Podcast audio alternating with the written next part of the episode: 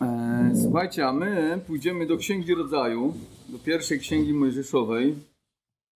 Pierwsza Księga Mojżeszowa, 21 rozdział. 21 rozdział pierwszej Księgi Mojżeszowej. Dzisiaj będziemy czytali od 22 wiersza. E, otwórzmy nasze Biblię. Ja przeczytam. W tym czasie rzekł Abimelech i Pikol, dowódca jego wojska do Abrahama tak. Bóg jest z tobą we wszystkim, co czynisz. Przysięgnij mi więc tu teraz na Boga, że nie zdradzisz ani mnie, ani potomka mego, ani rodu mego. Takie dobrodziejstwo, jakie ja wyświadczyłem tobie, wyświadczysz mnie i ziemi, w której jesteś gościem. Wtedy Abraham odpowiedział: Przysięgam. A gdy potem Abraham wypomniał Abimelechowi sprawę studni z wodą, którą gwałtem zajęli słudzy Abimelecha, Abimelech odpowiedział: Nie wiem, kto to uczynił. Ty bowiem nie powiadomiłeś mnie o tym, a ja również nie słyszałem o tym do dnia dzisiejszego.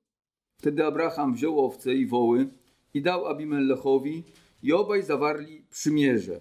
Abraham zaś odłączył siedem jagniąt z trzody osobno. Rzekł wtedy Abimelech do Abrahama, na cóż te siedem jagniąt, które odłączyłeś? A on odpowiedział, przyjmij tych siedem jagniąt z ręki mojej, aby mi były świadectwem, że ja wykopałem tę, studnię. Dlatego nazwano to miejsce Berszeba, ponieważ tam obaj złożyli przysięgę. Tak zawarli przymierze w Berszebie. Potem wstał Abimelech i Pikol, dowódca jego wojska, i wrócili do ziemi filistyńskiej. Abraham zaś zasadził tamaryszek w Berszebie i wzywał tam imienia Pana Boga wiekuistego. Potem Abraham przebywał w ziemi filistyńskiej przez długi czas jako gość. Pomodlę się. Panie Boże, proszę Cię, abyś pomógł mi dzisiaj tłumaczyć, wyjaśniać. Pomóż nam wszystkim zastosować to słowo, które chciałbyś, abyśmy dzisiaj zrozumieli i przyswoili do swojego życia. I posil nas przez to słowo. Prosimy Cię o to. Amen. Drodzy, w dużej mierze życie człowieka polega na tym, że chce zapewnić sobie jakieś względne bezpieczeństwo. Stąd na przykład nasze starania o wykształcenie, ciągle mówimy naszym dzieciom, żeby się uczyły, e, żeby coś robiły ze swoim życiem, no bo kiedyś w przyszłości będą musiały iść do pracy, e, czy szukać tej pracy, no i jeśli nie będą miały wykształcenia na przykład, to ciężej będzie im tą pracę znaleźć. Mówimy naszym dzieciom o tym, żeby zdobywały różne umiejętności. E, też staramy się na przykład gromadzić jakieś dobra materialne, mieć jakieś oszczędności z nadzieją, że gdyby coś się wydarzyło, mówimy czasami, no to na czarną godzinę. Prawda? To czarna godzina, no to wiemy jak to jest. Nie wiem, gdybyśmy stracili pracę, zachorowali, jakieś nadmierne wydatki by były, to wtedy jakoś jesteśmy zabezpieczeni, no i możemy te nasze niedobory y, uzupełnić. Niektórzy mówią, myślą w ten sposób, że jeśli zdobędą jakieś dobre znajomości, czyli jeśli poznam kogoś ważnego, ktoś, kto jest wysoko w tej drabinie społecznej, ma duże znajomości, to gdyby zdarzyły się jakieś problemy, to zawsze mogę udać się do tego człowieka, porozmawiać z nim, no i z taką nadzieją, że on mi pomoże. Po prostu staramy się zabezpieczyć jakoś naszą przyszłość i ostatecznie nie musi być to wcale złe. To, że staramy się zabezpieczyć przyszłość, nie jest złe. Złe jest wtedy, kiedy chcemy się zabezpieczyć bez Pana Boga, czyli albo kosztem Pana Boga. Wtedy jest to złe. Kiedy te zabezpieczenia, te oszczędności, te nasze znajomości, wykształcenie czy cokolwiek jeszcze innego stają przed Panem Bogiem e, w naszym życiu. Możemy nawet prowadzić bardzo zdrowy tryb życia z nadzieją, że zawsze będziemy zdrowi i silni i nie będziemy chorować, a to oszczędzi nam na przykład kłopotów. I to samo prowadzenie zdrowego trybu życia też nie jest złe. To, że dobrze się odżywiasz, to, że uprawiasz sport, to też nie jest złe. Pod warunkiem, że to nie ma dać ci niezależności od Pana Boga. Prawda? I wtedy staje się po prostu bałwochwalstwem. Biblia mówi, że jedynie tak naprawdę pewnym bezpieczeństwem ostatecznie jest zaufać Bogu i oprzeć się na Nim, naszym Panu Jezusie Chrystusie. Nadzieja pokładana w Nim nie tylko pozwala nam mieć ochronę i oparcie w tym życiu, ale przede wszystkim wiara w Chrystusa daje nam oparcie na wieczność. jakkolwiek nasze ziemskie starania mogą nam pomóc w zabezpieczeniu sobie doczesnej przyszłości, tak nigdy nie zapewnią, nie zapewnią nam wiecznego bezpieczeństwa. Nawet gdyby się udało zabezpieczyć wszystkie te materialne kwestie, emocjonalne nawet kwestie w związku z naszą przyszłością, czyli mamy ludzi wokół siebie, którzy są nam bliscy, którzy otaczają nas ochroną, z którymi zawsze możemy się spotkać, wygadać się i podtrzymują nam, nas gdzieś na jakimś takim pionie emocjonalnym, to nigdy te ziemskie zabezpieczenia nie dadzą nam wiecznego bezpieczeństwa. Często nasze ziemskie oparcie, które wydaje się pewne, też zawodzi. Nie wiem, czy zwróciliście uwagę, ale zdarza się, że to, co wydaje się pewne, zawodzi. Na przykład może się okazać, że ludzie, na których polegaliśmy, odwrócili się od nas wtedy, kiedy potrzebowaliśmy pomocy. Jest takie polskie przysłowie, przysłowie niedźwiedzie mówią na to. Jak ono brzmi? Przyjaciół poznaje się w biedzie. Przyznać przyjaciół poznaje się w biedzie. Czasami myślisz, że masz przyjaciół, że masz bliskich ludzi, a jak wpadniesz w terapaty, wpadniesz w kłopoty, potrzebujesz pomocy, się okazuje, że niespecjalnie oni chcą ci pomóc. Nagromadzone pieniądze też mogą szybko stracić na wartości lub zostać nam ukradzione. Zdrowie może się posypać nawet wtedy, jeśli dobrze o nie dbamy. Też nie jesteśmy w stanie zabezpieczyć się przed okolicznościami życia. Ktoś prowadził zdrowy tryb życia i przechodził przez pasy i walnął go samo. No i koniec, i tyle po zdrowym trybie życia. I czasami słyszymy takie świadectwa, no, no tak się starał, nie? I co? I wypadek doprowadził do tego, że dzisiaj jeździ na wózku. Te, więc nie jesteśmy się ostatecznie w stanie zabezpieczyć. Ale Biblia mówi, że Bóg może ochronić nas w każdych okolicznościach życia. I takiej lekcji nauczył się Abraham w naszym fragmencie. Po pierwsze, bezpieczeństwo od Boga jest pewniejsze niż ludzkie starania. Pamiętacie, mam nadzieję, że w 20 rozdziale czytaliśmy o tym, że Abimelech, król Geraru, wziął sobie Sarę za żonę. Bo Abraham kłamał, że ta jest jego siostrą, a wiemy, że ona była piękną kobietą, to więc wziął sobie ją za żonę. Abraham myślał, że kłamiąc, że ona jest jego siostrą, zabezpieczy się, bo obawiał się, że z powodu właśnie piękności Sary niektórzy mogliby pozbawić go życia, żeby mieć ją jako swoją kobietę. Jednak kłamstwo Abrahama obróciło się przeciwko niemu. Czytaliśmy o tym w 20 rozdziale, bo król Geraru, Abimelech, i tak wziął ją za żonę, prawda? Właściwie z tego powodu, że myślał, że jest jego siostrą, nie jest żoną, to więc Abraham źle go ocenił, bo myślał, że on jest bezbożny i na pewno gdyby powiedział, że jest jego żoną, to by go zabił. To więc źle ocenił tego człowieka. To więc pakował się w kłopoty przez swoje kłamstwo.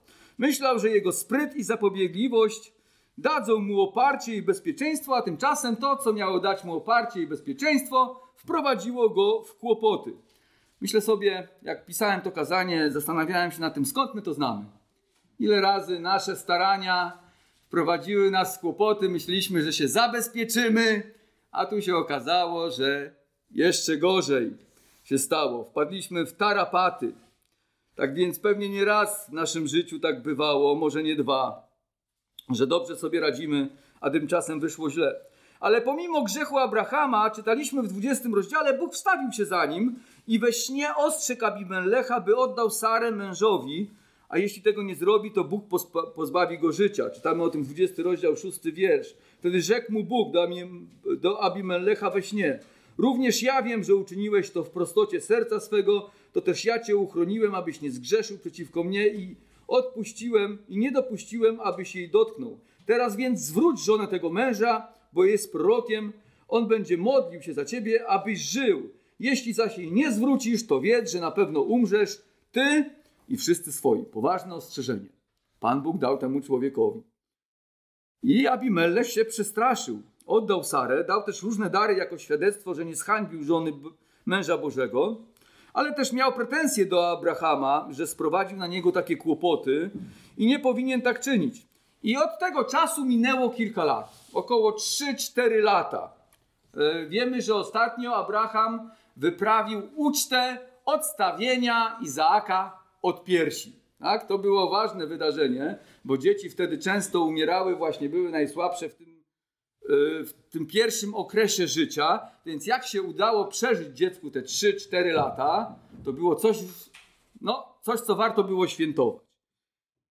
I teraz po tych 3-4 latach Abimelech, z którym właśnie wcześniej Abraham spotkał się i miał tą historię z żoną, przychodzi do Abrahama zawrzeć z nim przymierze, umowę, bo widzi, że z Abrahamem jest Bóg i lepiej mieć go po swojej stronie, niż być przeciwko niemu. Zwróćmy uwagę na 22 i 23 wiersz. W tym czasie rzekł Abimelech i Pikol, dowódca jego wojska, do Abrahama, tak, Bóg jest z tobą we wszystkim, co, co czynisz. Przysięgnij mi więc tu teraz na Boga, że nie zdradzisz ani mnie, ani potomka mego, ani rodu mego. Takie dobrodziejstwo, jakie ja wyświadczyłem tobie, wyświadczysz mnie i ziemi, w której jesteś gościem. Prawdopodobnie to dobrodziejstwo, które Abimelech mu wyświadczył, to wiemy, że tam dał mu za Sarę te różne gadżety, prawda, dał mu bydło, dał mu może jakieś pieniądze, nie zażądał zwrotu i też dał mu ziemię. Mówi, osiedlaj się w tej ziemi, gdzie my tutaj mieszkamy, gdzie chcesz. Prawda? To więc prawdopodobnie o tym dobrodziejstwie mówi, ale przez te 3-4 lata ten Abimelech się zastanawia. Kim jest ten człowiek? Z kim ja tak naprawdę mam do czynienia? Taka historia mi się przydarzyła z powodu tego człowieka. Bóg mnie przestraszył, kim on jest. A później, co jeszcze mogło go przekonać do tego, że Abraham jest kimś wyjątkowym? No, Sara urodziła w wieku 90 lat. No, ta historia musiała stać się tam głośna w tym rejonie. Kobiety nie rodziły już w tym wieku dzieci, a tutaj się okazało coś tak niezwykłego. Kolejny powód do tego, żeby się zastanawiać, kim jest Abraham. Nie? Co się stało takiego, że ta kobieta urodziła w tak późnym wieku? Kolejna rzecz, prawdopodobnie błogosławieństwo finansowe też, dobrobyt, jaki miał Abraham, że Bóg pomnażał, pamiętamy, on obiecał mu, że będzie pomnażał jego dobrobyt. To więc to wszystko zaczęło zastanawiać tego króla. 3-4 lata przyglądał się temu człowiekowi i pomyślał sobie tak: lepiej pójdę do niego i się z nim ułożę, bo gdybym miał go przeciwko sobie, albo stałoby się, że ktoś, kto mi byłby jego przyjacielem, byłby moim wrogiem, a wtedy on stałby się moim wrogiem i mielibyśmy ze sobą wojnę, a po jego stronie jest ten wielki, potężny Bóg, który sprawia, że kobieta rodzi w wieku 90 lat, Bóg, który sprawił, że wszystkie moje y, kobiety y, w państwie były bezpłodne, Bóg, który sprawił albo mógł sprawić, że wszyscy umrzemy, gdyby ten Bóg był przeciwko mnie, oj, miałbym poważne kłopoty. Lepiej pójdę do niego i się z nim ułożę. Dlatego on po tych trzech, czterech latach przychodzi do Abrahama, aby zawrzeć z nim przymierze. Obawia się, że ten rosnący w siłę wędrowiec, cieszący się Bożym błogosławieństwem, mógłby być jego wrogiem. To więc widzimy, że on gdzieś myśli o tym, w jaki sposób Bóg działał w jego życiu, w jaki sposób działa w życiu Abrahama. I to skłania go, żeby coś zrobić, żeby jakoś się z Abrahamem dogadać. Zwróćmy uwagę na to, że Bóg uczynił to swoją mocą, co, ch co chciał uczynić Abraham. Zapewnił Abrahamowi bezpieczeństwo. Pamiętacie, mówiłem o tym, że Abraham, Abraham sam chciał to uczynić przez swoje kłamstwo, ale popadł w kłopoty i nie, nie udało mu się tego zrobić. To, czego jemu się nie udało, zrobił Pan Bóg. Zobaczcie, jaki, co, jaka niesamowita w ogóle historia. On chciał zapewnić sobie bezpieczeństwo i nie udało mu się tego zrobić. Przez swoje kłamstwo popadł w kłopoty. A teraz Pan Bóg sprawia, że ten Abimelech przychodzi do niego i on prosi go o gwarancję bezpieczeństwa. Zobaczcie, Bóg zupełnie odwrócił to wszystko. Teraz nie Abraham musi się starać, tylko ten król, ten Abimelech się stara. On się boi Abrahama, żeby Abraham był po jego stronie. To jest niezwykła lekcja dla Abrahama i dla nas, szczególnie na te trudne czasy. Możemy starać się uzyskać poczucie bezpieczeństwa bez Boga w narzędziach, o których na początku wspomniałem, ale i tak się to nam nie uda. Ostatecznie się nie uda, jeśli pokładamy nadzieję większą niż Panu Bogu w tych różnych rzeczach, o których mówiłem wcześniej na początku, często popadamy w kłopoty. Często popadamy w kłopoty. Wszystkie nasze starania, by poczuć się bezpieczniej poza Bogiem lub może kosztem społeczności z Nim, ostatecznie zawodzą. Nie tylko nie jesteśmy bezpieczniejsi, szukając oparcia w naszej sile, ale często właśnie mamy jeszcze większe problemy. Jeśli tak się stanie, obyśmy tylko mieli na tyle mądrości, by pokutować i powracać do Pana. Wygląda na to, że przyszły, że ten rok w wielu kwestiach będzie dla nas trudny. Istnieje taka pokusa, by więcej czasu na przykład poświęcać na zabezpieczenie się, a rezygnować z naszej służby dla Pana, modlitwy, studium Biblii czy społeczności z innymi wierzącymi lub naszego zaangażowania. Ale Biblia mówi, że w trudnych czasach tym bardziej powinniśmy szukać Boga, by znaleźć w Nim oparcie w stosownej porze. By znaleźć w Nim oparcie. W psalmie 33 czytamy, otwórzmy psalm 33, wiersz od 17 do 21 i zobaczcie ku zachęcie. Czytamy tak. Koń zawodzi, gdy chodzi o zwycięstwo, a wielka jego siła nie zapewni człowiekowi ocalenia. Oto oko Pana jest nad tymi, którzy się go boją, nad tymi, którzy spodziewają się łaski Jego, aby ocalić od śmierci duszę ich i podczas głodu zachować przy życiu. Dusza nasza oczekuje Pana, On pomocą naszą i tarczą naszą, w Nim bowiem raduje się serce nasze, bo zaufaliśmy Jego świętemu imieniu. Koń tutaj reprezentuje w tym psalmie 33 naszą siłę i naszą zapobiegliwość. I Biblia mówi, że to nie zapewni nam ocalenia. Nie zapewni nam ocalenia. Może tak myślimy, ale Bóg zapewni. W przeciwieństwie właśnie do Pana. Pan zapewni ocalenie, bo On cały czas prowadzi i ochrania tych, co Go szukają i oczekują Jego łaski, o czym przekonał się Abraham. Sam chciał się zabezpieczyć, nie udało mu się. A Bóg sprawił to, czego jemu się nie udało. Sprawił, że Abimelech przyszedł i prosił go o gwarancję bezpieczeństwa. Wspaniała, budująca historia i lekcja dla nas. Druga rzecz jest taka, że gdy żyjemy w społeczności z Bogiem, to Pan czyni różnicę między naszym życiem a życiem ludzi, którzy Go nie znają, życiem ludzi tego świata. Abimelech przyszedł do Abrahama, bo widział, że ręka Boża jest nad jego życiem. Zobaczmy, że to nie Abram sprawił tą różnicę, ale Bóg. To Pan wyróżnił Abrahama, to Pan otoczył go opieką, dając mu niezwykłe błogosławieństwo i sprawiając, że sąsiedzi, którzy przyglądali się Abrahamowi, mówili, że jego życie różni się od naszego i widzimy jakąś nadzwyczajną ochronę nad nim. Nie wiedzieli pewnie niektórzy dokładnie, co to jest. Niewielu miało okazję przekonać się jak Abimelech, że ten żywy Bóg działa w życiu Abrahama, ale widzieli, że coś wyjątkowego jest w życiu tego człowieka, że jest jakaś ochrona Boża nad nim. Podobnie było w życiu Jakuba, wnuczka Abrahama. Gdy Jakub uciekł z domu ze strachu przed swoim bratem do swojego stryja Labama i zaczął paść jego owce, to Labam prosił, by u niego został, bo poznał Pan, bo poznał, że Pan mu błogosławi. Mówi: Zostań u mnie, bo ja wiem, że Bóg jest z tobą, ze względu na ciebie mi błogosławi. I też dał mu właśnie później tą umowę na drugą żonę, prawda, na Rachelę, bo z pierwszą go oszukał. Nie, dlatego też właśnie chciał, żeby został u niego, bo miał nadzieję, że te kolejne lata sprawią, że on się wzbogaci. Ostatecznie chciał wykiwać Jakuba i Pana Boga i tak się nie wzbogacił i Pan Bóg tak naprawdę zapewnił błogosławieństwo Jakubowi. Tą samą zasadę widzimy w życiu Józefa. On mieszkał w domu Potyfara, swojego pana. I nie wiem, czy pamiętacie, ale tam w 39 rozdziale trzeciego, wierszu jest, trzeciego wiersza jest powiedziane tak. Pan jego widział, iż Bóg jest z nim i sprawia, że we wszystkim, co czyni, ma powodzenie.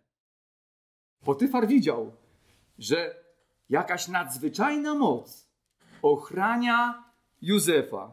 Również w Nowym Testamencie ta zasada jest podtrzymana. Każde dziecko Boże jest chronione przez Bożą opatrzność i tak długo jak Bóg darzy ochroną człowieka wierzącego, nic nie może mu się stać, bo wszystkie dni nasze zostały zapisane przez Pana w Jego księdze. O tym mówi Psalm 139, wiersz 16. Otwórzmy, nie wiem czy pamiętamy ten fragment, ale bardzo pokrzepiające słowa. Psalm 139, wiersz 16. Oczy Twoje widziały czyny moje, w księdze Twojej zapisane były wszystkie dni przyszłe, gdy jeszcze żadnego z nich nie było, mówi Dawid. Masz zapisane wszystkie moje dni. To Ty tak naprawdę, Panie, ochraniasz mnie i prowadzisz mnie. W księdze Twojej zostały zapisane wszystkie moje dni. Tak więc Nowy Testament podtrzymuje tą zasadę i mówi, że nawet wszystkie włosy nasze zostały policzone. Prawda?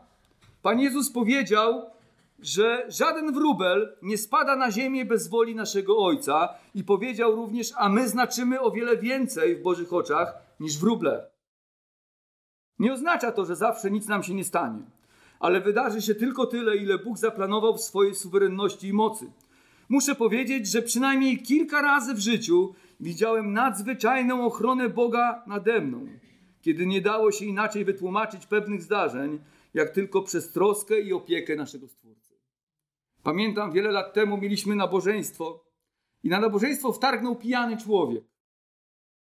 Jego żona chodziła na nasze spotkania i po prostu chciał mi zabić. Miał w kieszeni, nikt tego nie wiedział, taki gwóźdź dachowy ze 30 centymetrów do wbijania belek. I chciał mi wbić tego gwoździa w głowę.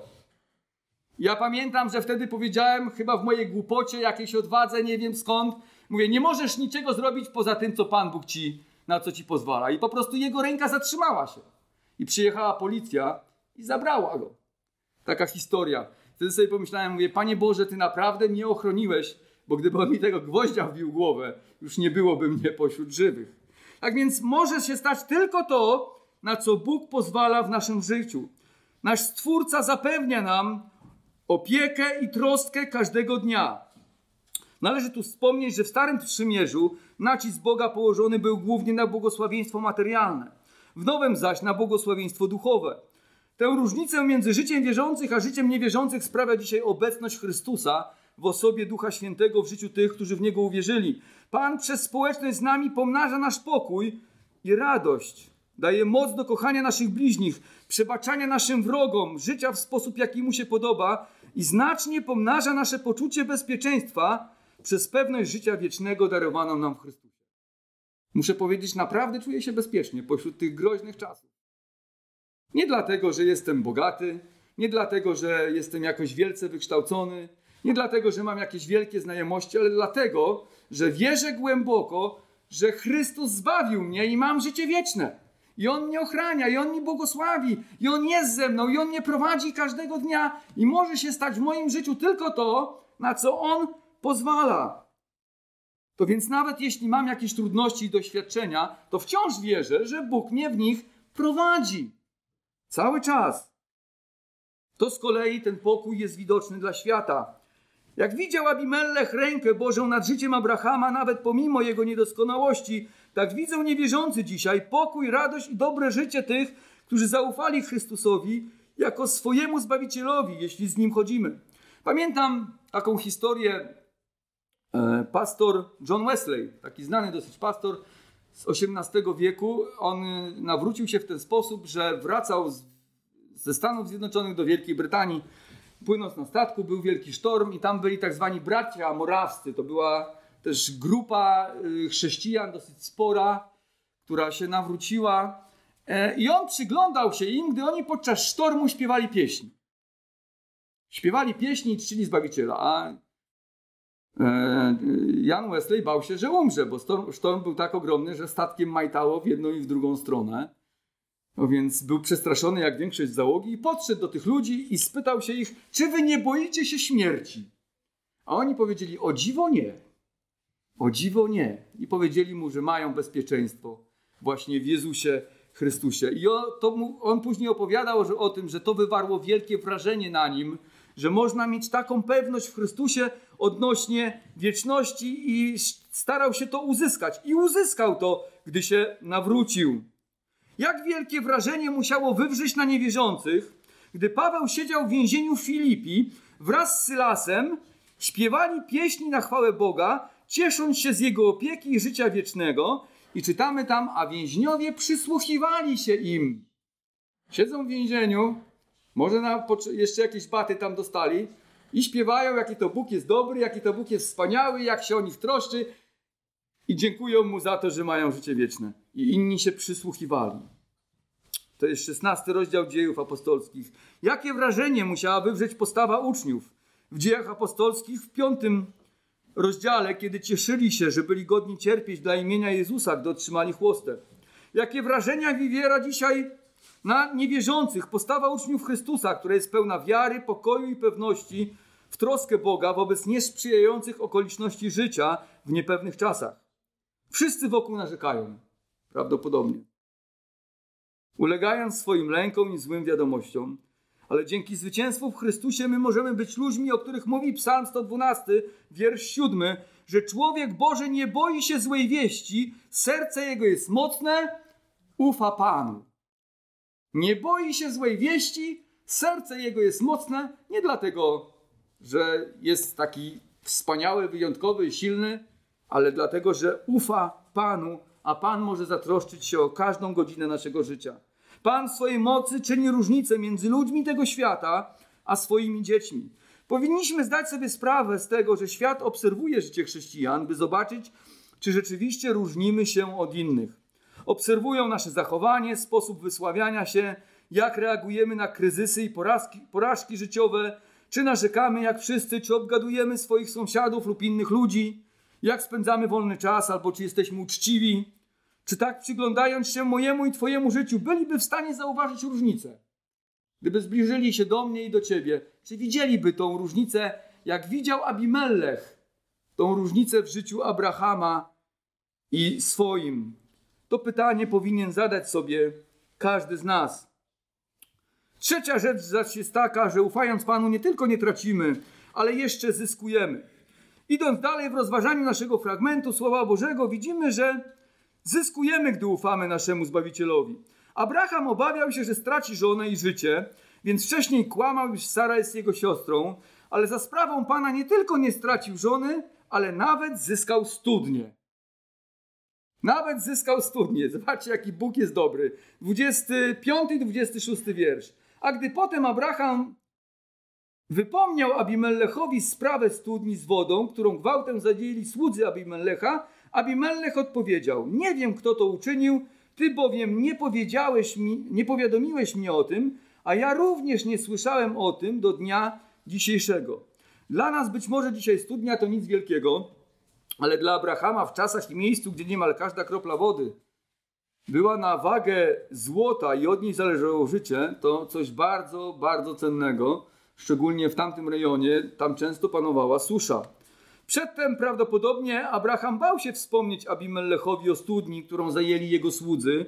Nie chciałby z tego powodu wybuchł jakiś konflikt. Przecież był przybyszem w tamtym miejscu, był gościem w tamtym miejscu. To więc obawiał się, że gdyby doszło do jakiegoś konfliktu, po prostu miałby kłopoty. Ale teraz pojawiła się okazja, by upomnieć się o skradzioną studnię, a Pan mu ją oddał. Jest to wspaniały przykład tego, że ufając Panu i wykonując Jego wolę, nie tylko nie tracimy, ale cały, ca cały czas zyskujemy. Zyskujemy zarówno w tym życiu, bo Bóg pomnaża nasz pokój i poczucie bezpieczeństwa oraz spełnia swoje obietnice, obietnice do, dotyczące fizycznego zaopatrzenia. Naprawdę dziękuję Bogu, że zdjął ze mnie tą troskę. On powiedział, żeby ufać Jemu i szukać Jego królestwa, a wszystko inne będzie nam do życia dodane. To więc nie musimy martwić się jak ludzie niewierzący, co będziemy jeść i co będziemy pić. Bóg zdjął z nas tą troskę. Pod warunkiem, że szukamy Jego królestwa. Prawda? Wtedy nie musimy się martwić. Ale to jest mało. Zyskujemy przede wszystkim życie wieczne. Zyskujemy życie wieczne. I cały czas zyskujemy, pomnaża się nasze poczucie bezpieczeństwa i pokój, gdy służymy Panu. Pan daje nam nie tylko chleb powszedni na każdy dzień. Tak jak powiedziałem, obiecał, że nie musimy się o to martwić, ale daje nam życie na wieki. W książeczce Nasz codzienny chleb było kiedyś takie świadectwo, pozwólcie, że je przywołam. Pewnej biednej wierzącej kobiety, która po II wojnie światowej poszła do sklepu prosić o jedzenie. Gdy właściciel zapytał ją, na ile ją stać, ta odpowiedziała, że jej mąż zginął na wojnie i nie ma pieniędzy, może zaoferować tylko modlitwę. Ale sklepikarz nie był w tym, w tym w ogóle poruszony, a nawet zaczął sobie kpić z tej kobiety, że jest w stanie dać jej jedynie tyle jedzenia, ile waży jej modlitwa spisana na kartce. Biedna kobieta odpowiedziała, że ma taką modlitwę w kieszeni, bo spisała ją w nocy, czuwając przy swoim chorym synu. Sklepikarz z uśmiechem wziął modlitwę, położył na wagę, a z drugiej strony położył chleb. Jednak nic się nie stało. Następnie do chleba dołożył kilka innych rzeczy i nadal nic się nie działo. Waga była nieporuszona. W końcu zdenerwowany zdjął produkty z wagi, załadował w torbę i dał ze złością tej kobiecie. Ona wzięła i wyszła. Sklepikarz zaczął oglądać wagę i zobaczył, że jest zepsuta. Wziął kartkę z modlitwą i przeczytał ją, a tam było napisane: Proszę, drogi Boże, daj mi dziś chleba naszego powszedniego. Później przez długi czas zastanawiał się, czy to był przypadek, że waga się zepsuła i że kobieta miała przy sobie właśnie taką modlitwę. Przez wiele lat. Ale przede wszystkim zyskujemy w wiecznym wymiarze, gdzie złożone skarby są bezpieczne, gdzie zaangażowany czas zostaje zatrzymany, a poświęcona energia i pieniądze nie przepadają jak ludziom tego świata, ale Bóg utwierdza dzieło rąk naszych na wieczność, jak mówi Psalm 90, i w odpowiednim czasie da nagrody i więcej sprawiedliwości tym, którzy cokolwiek poświęcili dla Jego Królestwa. W dziesiątym rozdziale Ewangelii Mateusza Pan Jezus mówi, że jeśli nawet tylko dałeś kubek wody jednemu z Jego uczniów, ze względu na to, że jest Jego uczniem, to nie stracisz zapłaty swojej. Tylko kubek wody. Wydaje mi się, że my zaangażowaliśmy się bardziej niż na kubek wody. Mam nadzieję, że tak jest, że zaangażowaliśmy się bardziej niż dać komuś z wierzących kubek wody.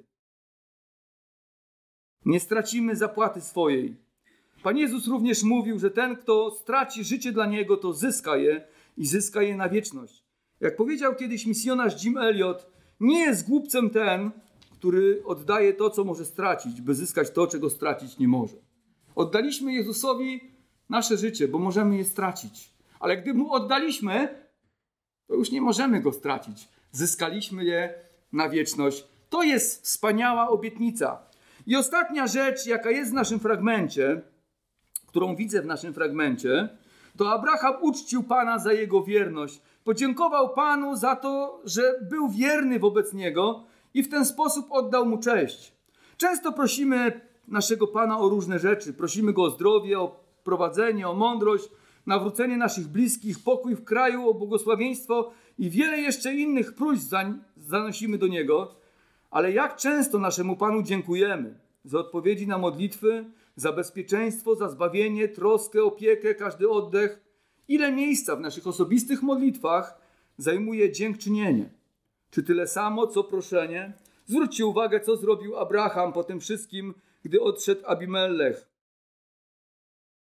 Czytamy, że tak zawarli przymierze, 32 wiersz, w Berszebie, Potem wstał Abimelech i Pikol, dowódca jego wojska i wrócili do ziemi filistyńskiej. Abraham zaś zasadził tamaryszek w Berszebie i wzywał tam imienia Pana, Boga wiekuistego. Potem Abraham przebywał w ziemi filistyńskiej przez długi czas jako gość. Bóg błogosławił Abrahamowi i zawarł on przymierze z Abimelechem. Odzyskał również studnię, a miejsce to nazwał Berszeba, czyli studnia przysięgi. Tak dokładnie się tłumaczy. Bardzo łatwo Abraham mógłby sobie przypisać te wszystkie sukcesy i utwierdzić się w przekonaniu, że jest sprytnym człowiekiem. skłoniłem tego Abimelecha do tego, żeby tutaj się pojednał ze mną i zapewnił y, mi gwarancję bezpieczeństwa, bo to dla niego też były gwarancje jakieś bezpieczeństwa. Ale wiedział, że chwała za te zasługi nie należy się jemu, ale Panu Bogu. Jak tylko Abimelech odszedł, Abraham zasadził drzewo tamaryszkowe w Berszewie przy studni przysięgi, by pamiętać o Bożej wierności i wzywał tam imienia Pana Boga wiekuistego. To jest El Olam, tak się tłumaczy. Drzewa tamaryszkowe były używane przez Beduinów, ponieważ charakteryzowały się odpornością w tym trudnym środowisku i był to rodzaj pieczęci na traktacie, który powinien być tak samo trwały jak to drzewo. Jak myślicie, w jaki sposób Abraham wzywał Boga? Jak się modlił? Czytamy, że wzywał tam Boga wiekuistego. Jestem pewny, że go uwielbiał. Jestem pewny, że go uwielbiał, wywyższał, dziękował. Wcześniej bał się Abimelecha, bał się tego człowieka. Ale teraz Bóg sprawił, że człowiek, którego się bał, uznał w nim Bożego sługę i to tamten się teraz jego bał. Teraz Abraham był na górze, a tamten był na dole. Prawda? Ile jest takich rzeczy w życiu wierzących, ludzi, których się kiedyś baliśmy, a może się boimy, ale Pan dzięki cudownej swej mocy wyzwolił nas z nich, albo może nas wyzwolić z tych rzeczy. Baliśmy się śmierci. Muszę powiedzieć, jak teraz cofam się pamięcią, rzeczywiście bałem się śmierci. Myślałem sobie o tym, jak to będzie, kiedy umrę. Nikt mi nie mówił o tym, że powinienem być pojednany z Bogiem, dlatego że chodząc do kościoła rzymskokatolickiego, myślałem, że spełniam wszystko, co trzeba, żeby być pojednanym z Bogiem. Po prostu zostałem oszukany. Bałem się śmierci. I pomimo chodzenia do kościoła, to nie zdejmowało z mojego życia strachu i obaw. Ale Bóg dał nam zwycięstwo. Baliśmy się sądu. On w Chrystusie został osądzony w nasze miejsce. Baliśmy się naszych wrogów. On zwyciężył ich. Baliśmy się życia i problemów, a On dał nam odwagę wyjść im naprzeciw. Ile to ja miałem kompleksów i złego myślenia o sobie, których Pan mnie wyzwolił. Większość nie pamiętam, ale Bóg mnie z nich wyzwolił, a nie tylko mnie, ale wielu z nas. Wyzwolił nas z mocy naszych grzechów i władzy szatana, dając nam życie wieczne, a w swej łasce odpowiada na nasze modlitwy, prowadząc nas. Jaka powinna być nasza postawa wobec tego? Drodzy, taka jaka była w Abrahamie, on dziękował Bogu i uwielbiał go. Wywyższał jego wielkie imię, że Bóg objawił mu się w nowy sposób, stąd nazywa Boga jakby nowym przymiotem, nowym imieniem Bóg wiekuisty El Olam. I nie bez powodu zastanawiałem się nad tym, dlaczego akurat Bóg wiekuisty. Szukałem, studiowałem, musiałem to zgłębić. Dlaczego właśnie w taki sposób nazwał Boga? I wydaje mi się, że znalazłem odpowiedź. Wiemy, że Abraham doświadczał wielu wędrówek, doświadczył wielu wędrówek i wyruszył odpowiadając na Boże powołanie. A Bóg zawarł z nim przymierze, że będzie mu błogosławił i da mu na własność ziemię, jemu i jego potomstwu po nim, o czym czytamy w 15 rozdziale Księgi Rodzaju. Teraz w umowie z Abimelechem Abraham otrzymuje traktat własności kawałka ziemi, którą Bóg mu obiecał i nazwał ją Berszeba. On otrzymał traktat własności. To jest ta ziemia, którą Bóg ma mu dać. Wcześniej był przybyszem i gościem, ale teraz ma traktat własności kawałka tej ziemi. Niedużo. Bóg obiecał mu całą tą ziemię, ale on ma traktat własności kawałka. Ale Abraham wie, jak nietrwałe są ludzkie traktaty. Wie, że dzisiejsze dokumenty własności w następnym pokoleniu mogą już nic nie znaczyć. Jednak Boże przymierze, Boże zapewnienia, Boża umowa, którą zawarł z Bogiem, na którą składa się obietnica własności ziemi na wieki, nie jest zależna od człowieka. Nie człowiek jest, jest gwarantem otrzymania. Dlatego nazywa Boga El Olam. Mówi, chociaż mam traktat własności tej ziemi, kawałka, to Ty, Boże, tylko potwierdziłeś, że tą ziemię dostanę na własność, na wieki. Potwierdziłeś przez tego Abimelecha. On przyniósł mi traktat własności, bo on tam się osiedlił i uważał się za właściciela ty, tych terenów. Ty, Boże, tylko potwierdziłeś, ale tak naprawdę gwarantem wypełnienia tej obietnicy nie jest Abimelech, bo on umrze i umrą jego dzieci, ale Ty jesteś gwarantem wypełnienia tej obietnicy. Ty dasz tą ziemię mojemu potomstwu na własność. El Olam, dlatego Bóg wiekuisty. Jego nie obowiązują ludzkie traktaty i nie są tak krótkie jak ludzkie traktaty, ale Bóg ma wieczne przymierze. Dlatego jest właśnie Bóg wiekuisty. Jak często uwielbiamy Boga? Jak często Mu dziękujemy? Czy pamiętamy, by podziękować mu, i uwielbiać Go za wysłuchane modlitwy i zwycięstwa, które nam dał? Daje i jeszcze da. Mam nadzieję, że tak. Mam nadzieję, że tak. Niech Jemu będzie chwała przed wszystkimi wiekami, teraz i po wszystkie wieki. Podsumowując, cztery rzeczy powiedzieliśmy. Po pierwsze, bezpieczeństwo, jakie daje nam Bóg, jest o wiele pewniejsze niż ludzkie starania. Starania Abrahama zapewnienia sobie spokoju spełzły na niczym, a nawet prowadziły go w kłopoty. Ale Bóg dał mu to, co starał się uzyskać własnymi siłami i sprawił, że Abimelech przyszedł zawrzeć z nim przymierze. Podobnie w naszym życiu wszystkie narzędzia tego świata nie, na, nie dadzą nam bezpieczeństwa. Czasami ludzie kombinują, oszukują, myślą, że będą bezpieczniejsi, a później się okazuje, że mają jeszcze większe kłopoty, wpadają do więzienia, mają długi, problemy, trudności. No, a Bóg daje nam to, czego szuka świat. Po drugie, gdy chodzimy z Panem, Bóg czyni różnicę między naszym życiem a życiem ludzi tego świata. Jak było w przypadku Abrahama. Różnica ta powinna być widoczna w sposobie życia, mowie, postępowaniu, myśleniu i pokoju, jaki nam towarzyszy. Po trzecie, ufając Panu, nie tylko nie tracimy, ale jeszcze zyskujemy. Abraham nie utracił żony i życia, chociaż tego się bał, a zyskał nawet studnie. Także i my, służąc Panu, nie tracimy czasu, energii czy pieniędzy, ale otrzymujemy dar życia wiecznego i każdego dnia zyskujemy skarby w niebie, gdzie mól nie zje, rdza nie zniszczy, a złodziej nie ukradnie. Kiedyś wszystkie nasze skarby otrzymamy z powrotem, odpowiednio pomnożone przez Boży mnożnik inwestycji. Nie wiem, jaki on dokładnie jest, ale jest na pewno dużo większy niż w naszych bankach. To będzie wspaniały mnożnik inwestycji. I po czwarte, Abraham uczcił Pana za jego wierność, dziękując mu i uwielbiając go. Pamiętajmy o tym, żeby równie często dziękować naszemu Bogu za zbawienie i wszelkie błogosławieństwa. Tak często, jak często prosimy go o coś. Amen. Zachęcam do powstania i do modlitwy. Panie, ja Ci dziękuję za tą historię Abrahama z Abimelechem. Jak wspaniale odwróciłeś wszystko w tej historii i dałeś Abrahamowi bezpieczeństwo bez jego udziału. Chociaż on myślał, że sam się o to zatroszczy. Ale Ty sprawiłeś, że jego, że tych ludzi, których się obawiał, przyszli i e, prosili go o gwarancję bezpieczeństwa. Panie, błogosławiłeś mu i też inni widzieli to, inni widzieli to, że Ty jesteś obecny w jego życiu. Ja Cię proszę, żeby tak było w naszym życiu, żeby świat widział przez nasze dobre czyny, przez nasze życie, przez nasze działania, ale przede wszystkim przez Twoją rękę. Bo Abraham niewiele uczynił, nawet kłamał i dał złe świadectwo, a jednak Ty przyznałeś się do niego. I Boże, my też czasami upadamy, my też czasami dajemy złe świadectwo, a jednak Ty widzimy, że możesz wyróżnić życie człowieka, jeśli jest Twoim dzieckiem, bo w Chrystusie przebaczyłeś nam wszystkie grzechy. Panie, nawet jeśli gdzieś nie robimy tak, jak powinniśmy, to prosimy Cię, Panie, nie odwracaj się od nas, nie zostaw nas. Wiemy, że tak jest, bo obiecujesz nam to w Twoim słowie. Panie, i uczyń różnicę między naszym życiem a życiem tego świata, abyśmy mogli zaświadczyć o Tobie. Panie, też proszę Cię, żebyś błogosławił nas w uwielbienie i dziękczynienie.